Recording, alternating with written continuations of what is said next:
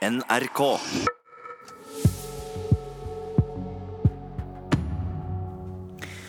Er eh, fredag i dag, og det betyr at vi har samlet ukens eh, fredagspanel. Guri Itzuviken, som skriver MGP-bloggen Good Evening Europe, velkommen. Takk. Kjell Lars Berge, professor i tekstvitenskap ved Universitetet i Oslo, god morgen. Takk skal du ha. Og Mathias Fischer, kommentator i Bergens Tidende, med oss på linje fra Bergen. God morgen til deg også. Halla igjen i Oslo. Vi starter i eh, Sverige.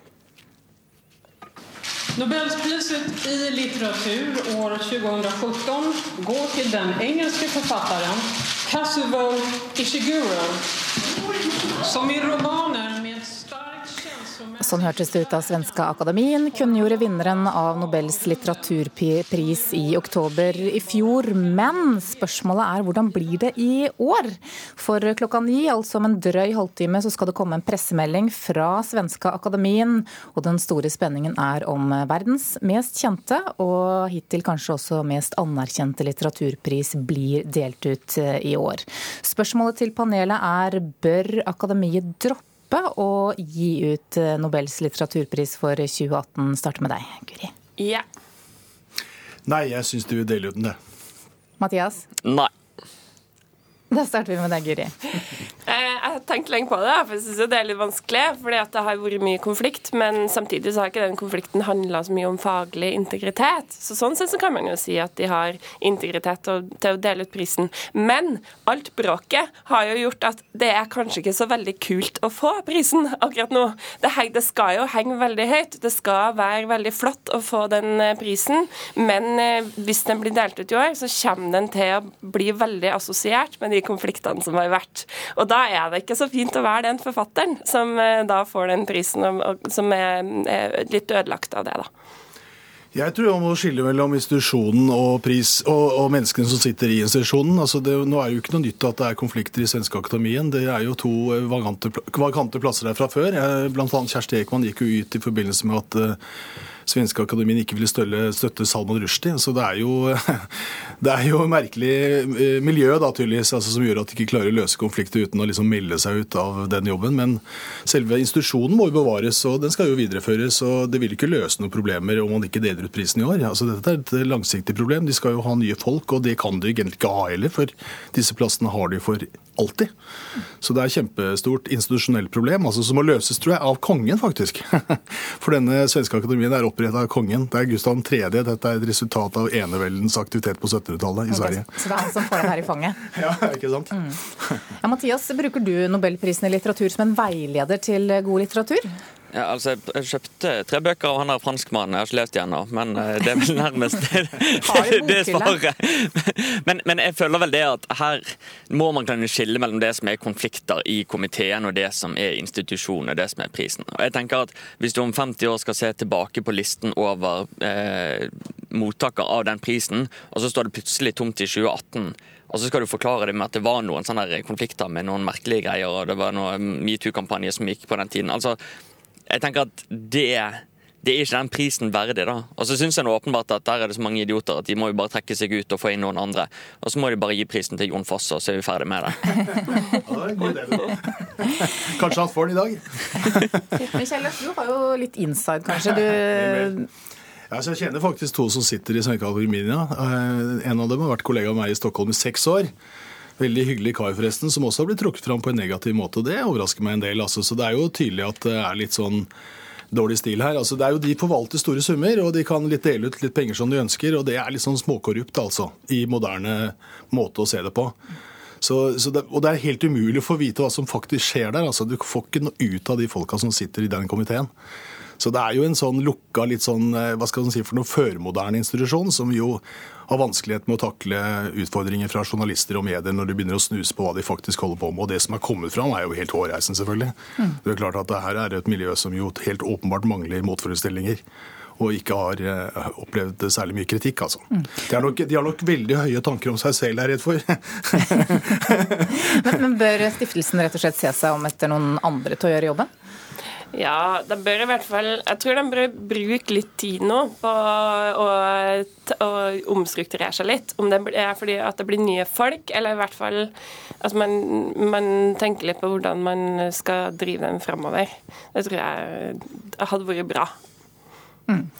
Det, det, som jeg syns er litt synd, da, det er jo selvfølgelig at dette er jo en prestisjeinstitusjon som ivaretar eh, en type tekster som jo synker litt i status for tida. Altså litt, den kvalitetslitteraturen har litt problemer liksom, med å etablere seg og være, ha den høye status de alltid har hatt. Og denne institusjonen her, Svenske Akademien med den prisen, gjør jo at den type litteratur får på en måte litt sånn nimbus. da.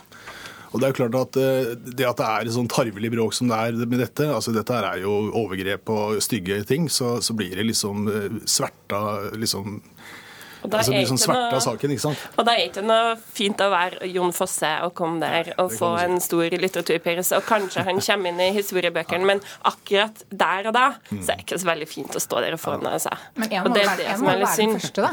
Ja. Etter bråket. Men hvis man da har brukt litt tid på å omstrukturere seg og, og eh, kanskje fått inn noen nye folk og sånn, så vil det jo oppleves annerledes, tenker jeg. Det skulle forresten ikke forundre meg om Knausgård får den, faktisk. Han er ganske populær i det miljøet, altså.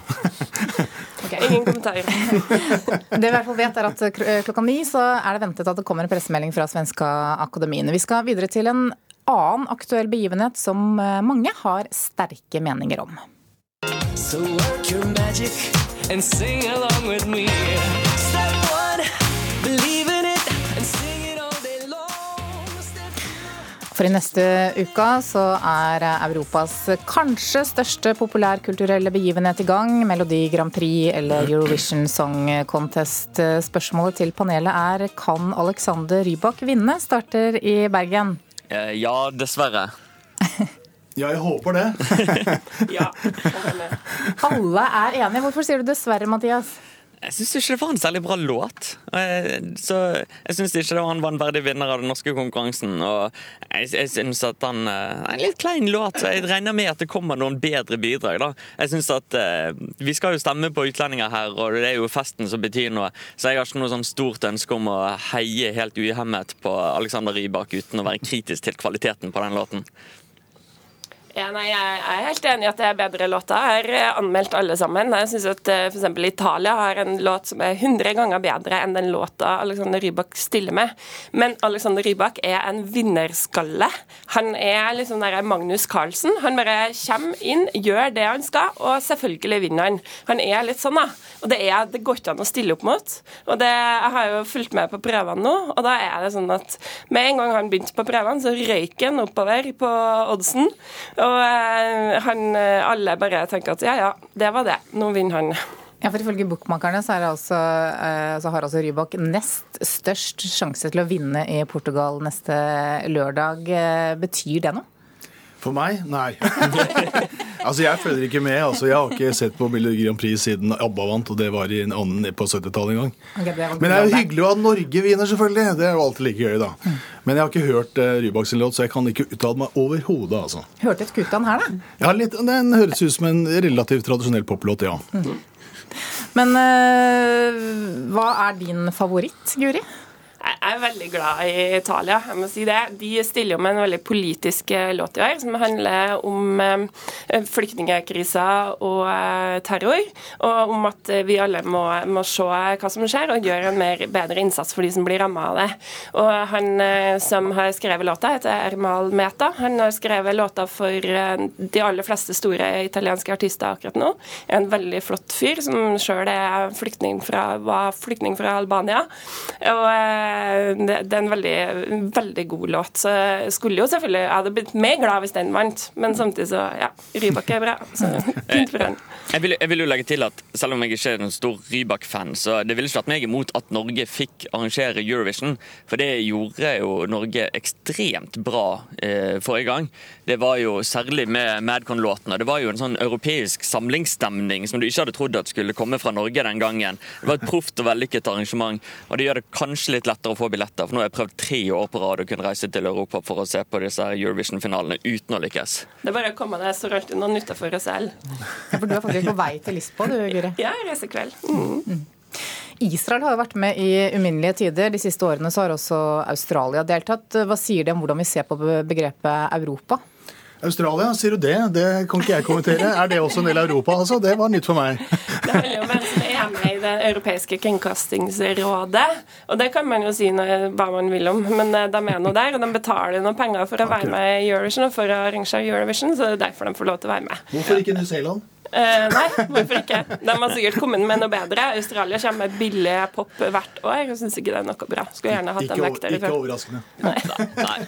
Europe is a state of mind, sier jeg. Og, men jeg er uenig med kritikken av Australia her. Altså Det året hvor Ukraina vant og Russland egentlig burde vunnet, så burde egentlig Australia komme på andreplass. Jeg tror begge kom rykket ned pga. si, geopolitisk uh, spill. En europeisk finale i Australia, det hadde vært noe, altså. Ærlig. Men Israel er jo, de er jo er jo tippa som favoritter, men jeg, tror, jeg tror at det er mange som ikke stemmer på Israel òg, av politiske årsaker. Mm. Vi skal til litt mer eh, hjemlige forhold nå. Hør på dette her.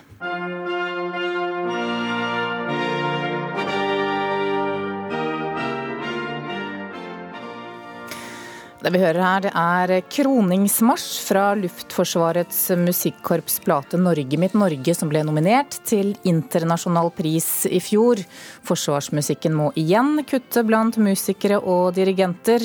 Korpsene har en historie tilbake til 1600-tallet, men har også vært truet med nedleggelse flere ganger. Og dette fikk Dagbladets kommentator til å skrive denne uken at Forsvaret ikke ser verdien i militærkorpsene, og at det er sentrale norske verdier som legges ned. Spørsmålet til panelet er trenger vi militærkorps i 2018? Ja. Ja. ja. Hvorfor? Nei, men altså, Dette her er jo en del av eh, kvalitetsinfrastrukturen i kulturlivet i Norge. At det finnes korps med høy kvalitet hvor mus unge musikere kan rekrutteres inn. Det er jo kjempeviktig. Det har jo satsa masse på musikkliv og kulturutvikling i Norge de siste åra. Det blir et høyt nivå.